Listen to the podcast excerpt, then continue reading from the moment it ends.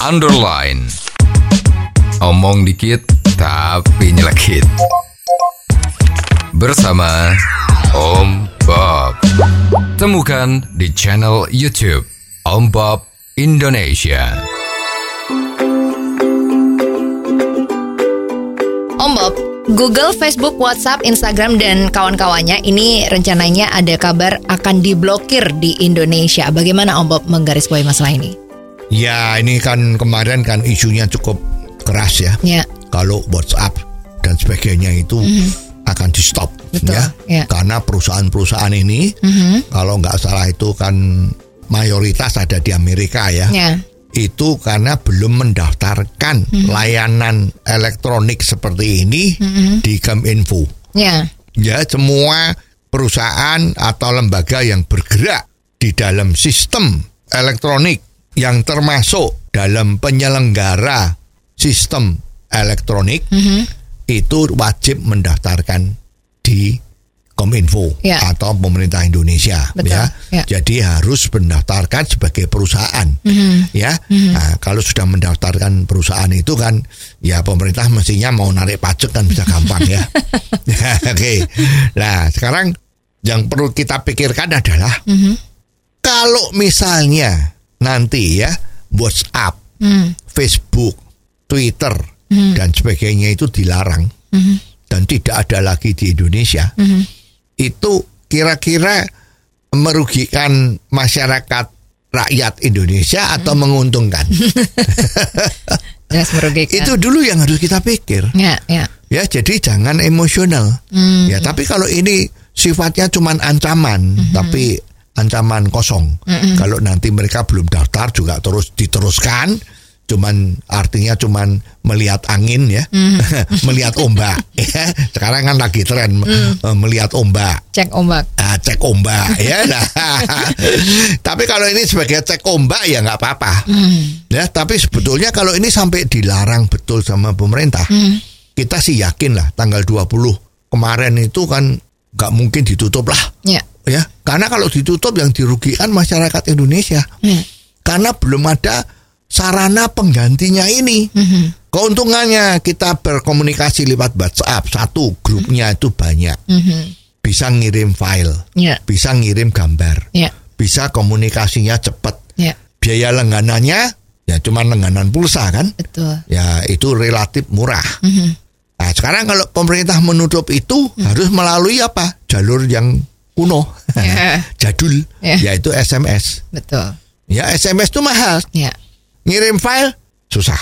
ya. Ngirim gambar susah. Mhm. Membikin chat grup susah juga. Mungkin nggak nggak bisa. Bisa. Ya. Ya. Jadi mau pasang status betul sakit. ya, jadi sebetulnya jauh merugikan. Ya. Toh sekarang masyarakat Indonesia itu kalau mau memakai WhatsApp kan tinggal join, nggak bayar lagi. Hmm. Ya dulu ada keinginan atau ada isu bahwa setahun disuruh bayar satu dolar. Itu bagi kita kalau dihitung-hitung nih masyarakat Indonesia itu yang punya handphone untuk mainan WhatsApp itu di atas 100 juta. Hmm.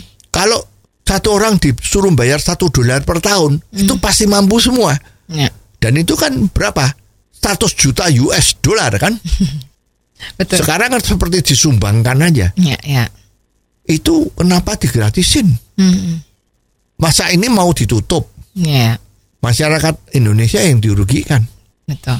Kalau diomongin bahwa hati-hati karena dengan WhatsApp itu data pribadi sering bisa diambil. Mhm.